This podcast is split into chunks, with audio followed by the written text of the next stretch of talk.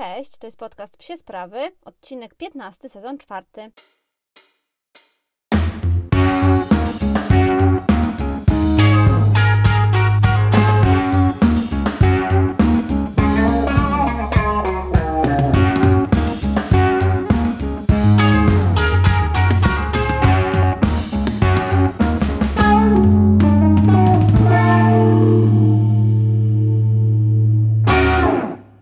Bardzo dawno nas tutaj nie było. Jakieś mam takie wrażenie, jakbym bardzo dawno nie nagrywała, chyba trzy tygodnie, więc wybaczcie mi bardzo tę opieszałość i tę zwłokę w nagrywaniu, ale bardzo dużo się naprawdę u nas działo i mieliśmy wyjazd nad morze, który pewnie widzieliście i mamy dużo ćwiczeń wspólnych i też no w pracy, u mnie w pracy się bardzo dużo dzieje, więc jakoś tak mniej było czasu przede wszystkim na zebranie pomysłów, na zrobienie notatek, które do tego podcastu są bardzo kluczowe.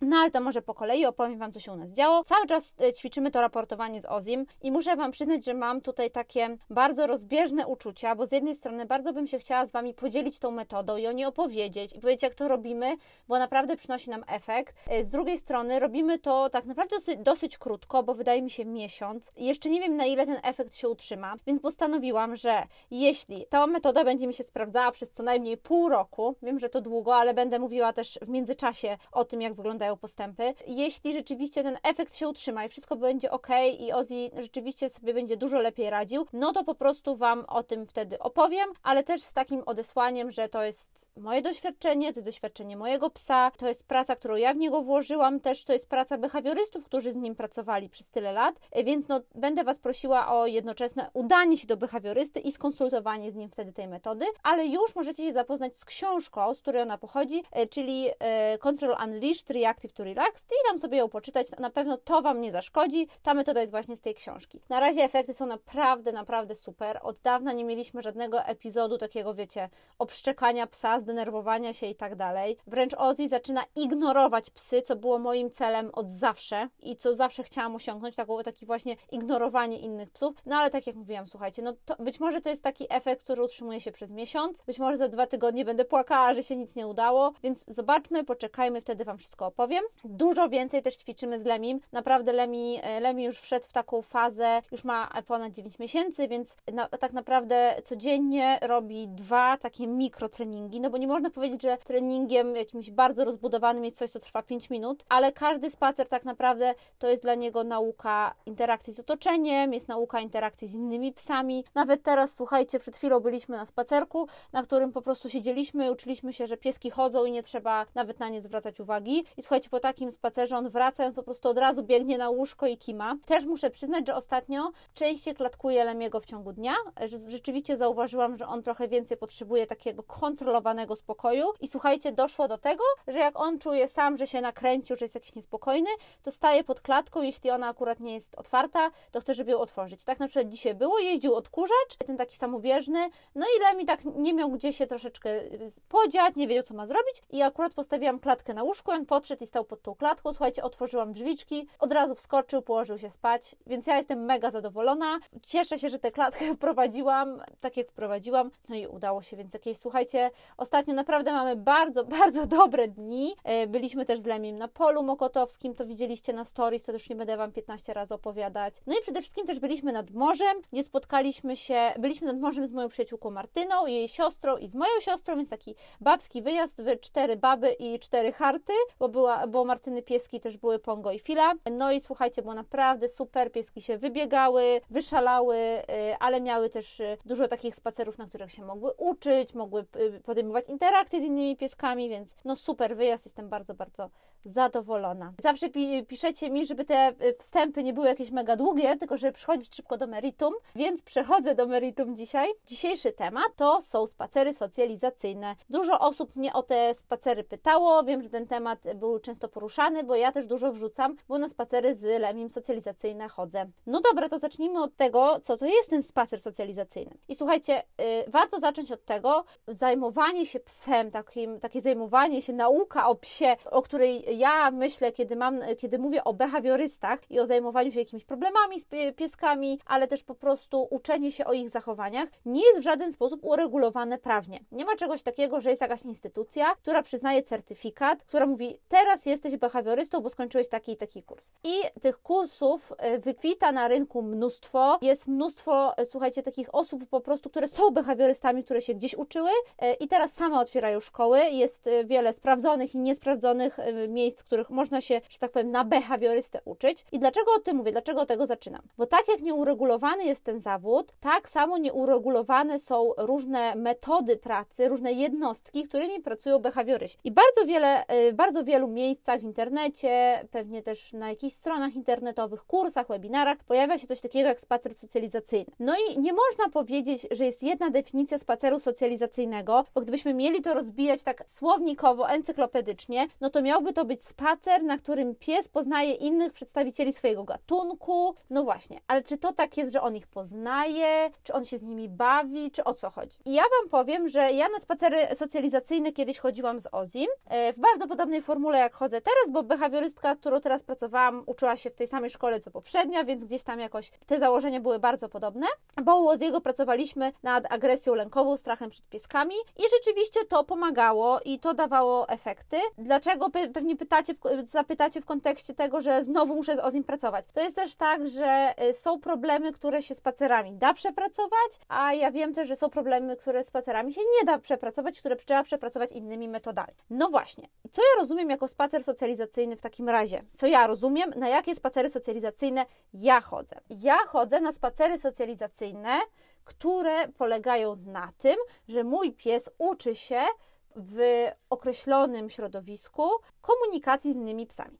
No i dobra, zacznijmy teraz y, może od tego, już tak szczegółowiej. Czemu teraz chodzę z Lemiakiem na spacery y, socjalizacyjne? Y, po pierwsze, chodzę z Lemiakiem dlatego, że niestety na osiedlu, na którym mieszkam, w mieście, w którym mieszkam, w Warszawie, na Powiślu, kontakty z psami nie są możliwe w dobrych, takich określonych warunkach, na których by mi zależało. No bo kontakty z psami to są kontakty. Wychodzę z bloku, biegnie na mojego pies na smyczy. Wychodzę z bloku, ja sobie idę spokojnie, podbiega do nas pies. Albo my idziemy gdzieś gdzieś tam po parku i nagle chmara psów nas dopada. No to nie jest spacer socjalizacyjny i to nie są warunki, w których chciałabym Lemiego nauczyć komunikacji z innymi psami, bo niestety nie wiem też, jak się komunikują te inne psy, które tam do niego podchodzą.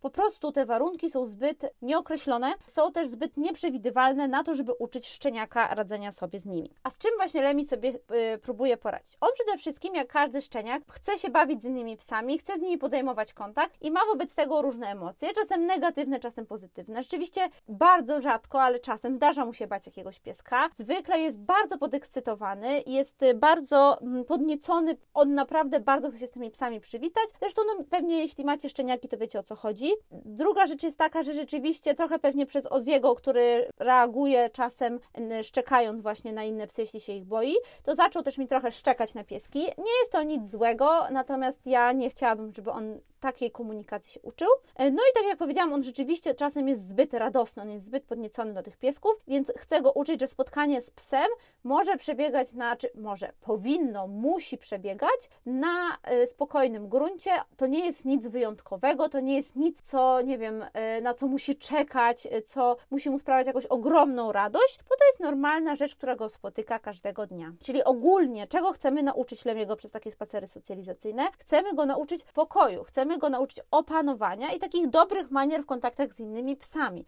Właśnie Lemcio tu do mnie zagląda do garderoby. Ja bym chciała go po prostu nauczyć, że pies to jest kolejny pies, tak? Nie, nie ten twój, którego masz tu w domu oziaczek, ale pies gdzieś na zewnątrz, pies w jakimś tam e, otoczeniu. To jest normalny element otoczenia, on tam sobie jest. Jeśli chcesz, jeśli ten piesek będzie chciał, możesz się z nim przywitać. Jeśli się ja, ja się na to zgodzę, możesz się z nim bawić. Nie musisz się go absolutnie bać. To jest po prostu normalny element otoczenia, tak jak wszystko inne, co uważasz za normalny element otoczenia. Bo mam to szczęście, że rzeczywiście Lemi sobie świetnie radzi e, w ogóle w przestrzeni miejskiej, jest bardzo odważny i pewny siebie. No dobrze, to jak wygląda taki spacer socjalizacyjny w naszym wydaniu? E, to może tylko zacznę od tego, że my na spacery socjalizacyjne chodzimy z Karoliną z Dogłębnie.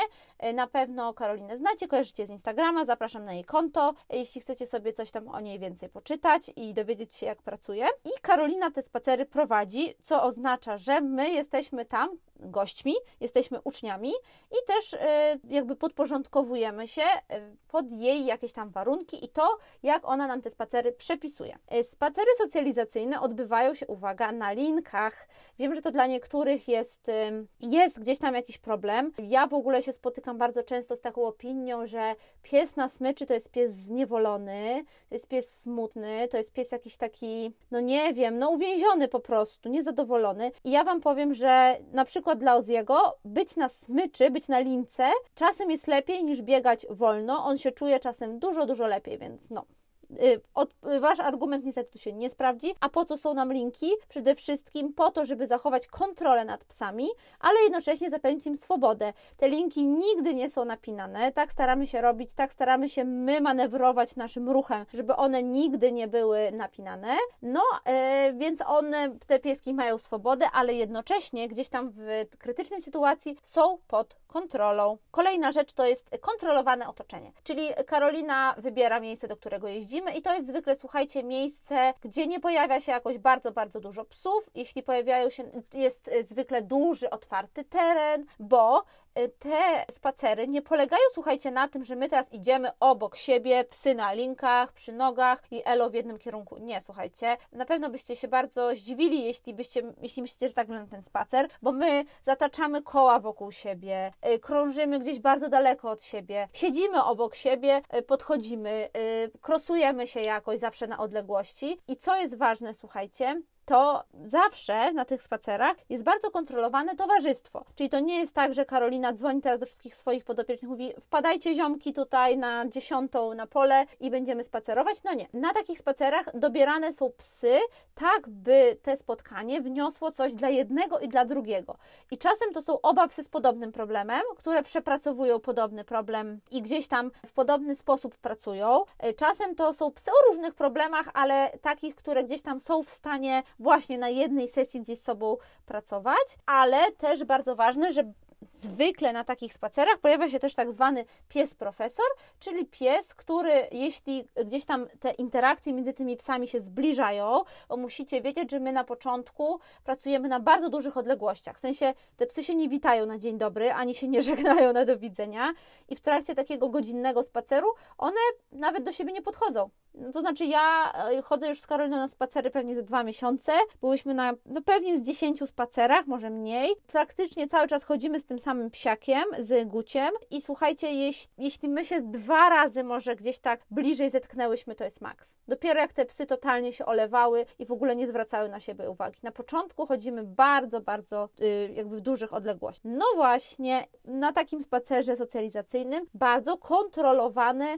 są interakcje między psami. Co znaczy, że na początku rzeczywiście chodzimy na bardzo, bardzo dużej y, odległości. Czyli to nie jest tak, że idziemy właśnie ramię w ramię, ale idziemy, no słuchajcie, żeby tak dać Wam obraz, naprawdę to jest czasem kilkanaście metrów zupełnie od siebie. Y, każda z nas ma, chyba Gucio ma dziesięciometrową linkę, ja do tej pory miałam pięcio, teraz sobie kupiłam ósemkę, y, więc jutro na przykład będę miała na ósemce Lemiego, więc naprawdę jesteśmy bardzo daleko od siebie. Karolina, my też same gdzieś tam regulujemy to, jak idziemy, tak jak mówiłam Wam, nie idziemy po prostej obok siebie i tak dalej, tylko raczej zataczamy kręgi, chodzimy w takich nieregularnych formach, bardzo słuchamy psów. W ogóle najważniejszym tutaj e, takim przesłaniem, które powinniście wynieść z tego spaceru jest to, że na tym spacerze socjalizacyjnym my słuchamy psa, słuchamy jego potrzeb, słuchamy czego on w danej chwili potrzebuje. Jeśli on w danej chwili potrzebuje odejść, to ja odchodzę. Jeśli on chce się przywitać i ja widzę, że te emocje są opanowane i u tego drugiego psa emocje są opanowane, no to my się witamy.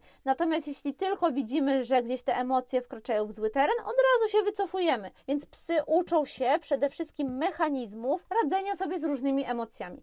I na takich spacerach, na przykład pewnie jakiś czas temu, mm, widzieliście też, że Lemi był na spacerze z takim pudlem, z, on się nazywa Forest, Forest, tak? No i tam y, Lemi się trochę bał Foresta, i, y, ale próbował do niego podejść, był tam zainteresowany, taki był, hmm, hmm, coś tam ten, no ale się przestraszył, zastosował znany sobie mechanizm, czyli odszedł do mnie. No i to jest to, czego chcemy uczyć pieska, że jeśli coś Ci się nie podoba, jest Ci źle, boisz się, nie musisz iść w kierunku tego przedmiotu, możesz zastosować mechanizm, który Ci proponuję i tym mechanizmem jest przyjście do mnie po pomoc i to będzie jak najbardziej ok. I, i wtedy właśnie Lemi rzeczywiście do, do mnie przyszedł, ale dlaczego?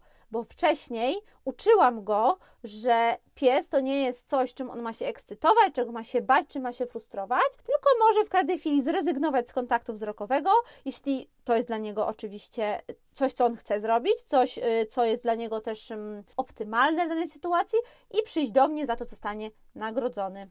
Mm, no i słuchajcie, na początku te spacery mm, pewnie dla większości osób, na przykład dla większości whipeciarzy, y, słuchajcie, pewnie byłyby nudne i byłyby bezsensowne, no bo my w ogóle nie podejmujemy żadnych interakcji między sobą, chodzimy na dużych odległościach, te psy chodzą tylko sobie węcha, węszą, uczą się jakichś takich mechanizmów y, radzenia sobie ze stresem, z interakcjami z innymi psami, no i nuda, nie biegają, nie wybiegały się. Tylko jakim cudem ten Lemi później wraca do domu i on nie jest w stanie ucha podnieść, taki jest zmęczony. No właśnie, a w ogóle muszę Wam powiedzieć właśnie a propos, y, ja oczywiście nie, nie chcę tutaj żadnej grupy szykanować, pewnie tak jest też na in, grupach innych raz, ale dzisiaj musiałam się wypisać z grupy Wipety Warszawa, bo poczytałam sobie, jak tam ludzie umawiają się właśnie na takie dzikie ganianki, bo ich pies się mega potrzebuje wyganiać, ale tylko z whippetami i jeszcze, żeby, y, no w ogóle zdenerwowałam się dzisiaj, wypisałam się z tej grupy i postanowiłam, to jest ten dzień, w którym nagram odcinek o spacerach socjalizacyjnych, bo one są 100 razy fajniejsze. I jeszcze jedna ważna sprawa, tak już przy końcu tego, tego odcinka. Słuchajcie, o kolejnych etapach takich spotkań decyduje behawiorysta i psy, bo to one pokazują, czy czują się komfortowo w relacji ze sobą, czy czują się komfortowo w tej sytuacji, y, w tym miejscu, bo to też może być bardzo różnie. Y, I rzeczywiście takie etapy są różne. Na przykład y, jakimś tam etapem jest zbliżanie się, czyli idziemy już na przykład kilka metrów od siebie i oczywiście psy nie podejmują interakcji. Spacer socjalizacyjny to nie jest spacer, na którym psy naparzają dziko, a my idziemy sobie, albo jeszcze co gorsza, to już w ogóle stoimy w kółko i patrzymy na to. No nie. Kolejna rzecz to są zmiany kierunków, czyli nie idziemy zawsze w tym samym kierunku, no bo to rzeczywiście bardzo psy pcha gdzieś tam w te interakcje. To jest taki mechanizm, w którym nie słuchamy psa, nie słuchamy jego potrzeb, tylko my decydujemy, co tutaj robimy, tak? My mu pokazujemy, masz to robić tak, a my chcemy mu zaproponować różne rzeczy, ale chcemy też przede wszystkim go posłuchać. Kolejnym jakimś etapem też jest wspólne wąchanie. No właśnie, y, my już mamy na przykład z Guciem taki etap, że rzeczywiście jesteśmy w stanie y, obok siebie iść bardzo blisko i chłopcy na przykład wąchają jedną trawkę. I słuchajcie, to wygląda tak, może jutro coś mi się uda Wam nagrać, że chłopaki sobie idą, nagle to powiedzmy Gucio podchodzi do trawki i Karolina mówi, że spoko, jeśli Lemi chce, no to może też podejść i sobie też wąchać. No i Lemi podchodzi, wącha, rozchodzimy się wszyscy bez jakiejś interakcji, i nagradzamy pieski. No nuda taka, że w ogóle bez sensu w ogóle chodzić na spacer, nie? No właśnie. Kolejnym etapem może być zabawa, jeśli psy są na tyle już ze sobą zaznajomione, jeśli są na tyle spokojne w swoim towarzystwie, że rzeczywiście mogą się gdzieś tam trochę pobawić. Natomiast nie jest to, tak jak powiedziałam, szaleńcza po prostu zabawa, jak tylko otworzy się, otworzy się bagażnik samochodu i psy wywalają i od razu gonienie. No nie. I słuchajcie, teraz y, jeszcze taka ważna informacja. Ile to zajmuje? Ile to zajmuje, żeby z takiego psa, który sobie średnio radzi w kontaktach z innymi, na tych spacerach socjalizacyjnych wyrósł anioł? No, przede wszystkim tak, nie każdemu spacery socjalizacyjne pomogą i każdy dobry behawiorysta Wam to powie, że to jest jedna z metod, jest to bardzo dobra metoda, natomiast nie, nie sprawdzi się ona zawsze, nie sprawdzi się u każdego psa i warto ją dopasowywać, znaczy warto, trzeba koniecznie ją dopasować do danego osobnika i u każdego zajmie to trochę inaczej. I ja na koniec, już taki naprawdę koniec, koniec, mam, słuchajcie, taki jeden wniosek dotyczący spacerów socjalizacyjnych, że dla mnie spacer socjalizacyjny trwa całe życie. Ja z psami, z którymi się nie znam, nigdy się nie witam e, na hura, e, nigdy nie podbiegamy do nich tak na siłę, tylko raczej staramy się najpierw je obejść dookoła, sprawdzić, czy jest ok, czy gdzieś tam się pieskom moim to podoba. I na przykład z Ozim ja sobie zdaję sprawę, że u nas taka praca nad tymi kontaktami w odległości będzie trwała już do końca jego życia. Z Lemim sprawa wygląda trochę inaczej, bo on ma inne jakby inne w ogóle podejście do psów, ale też dla niego te spacery socjalizacyjne są kluczowe. I tak jak powiedziałam na początku, tak i teraz odsyłam Was do Karoliny. U niej w dogłębnym know-how zapisanych relacjach na Instastory znajdziecie sporo info o spacerach socjalizacyjnych. Gdzieś tam się my też przebijamy. No więc mam nadzieję, że czego nie, nie znaleźliście tutaj, no to znajdziecie u Karoliny, a jeśli nie, to piszcie. I dziękuję bardzo za słuchanie i do usłyszenia w następnym odcinku.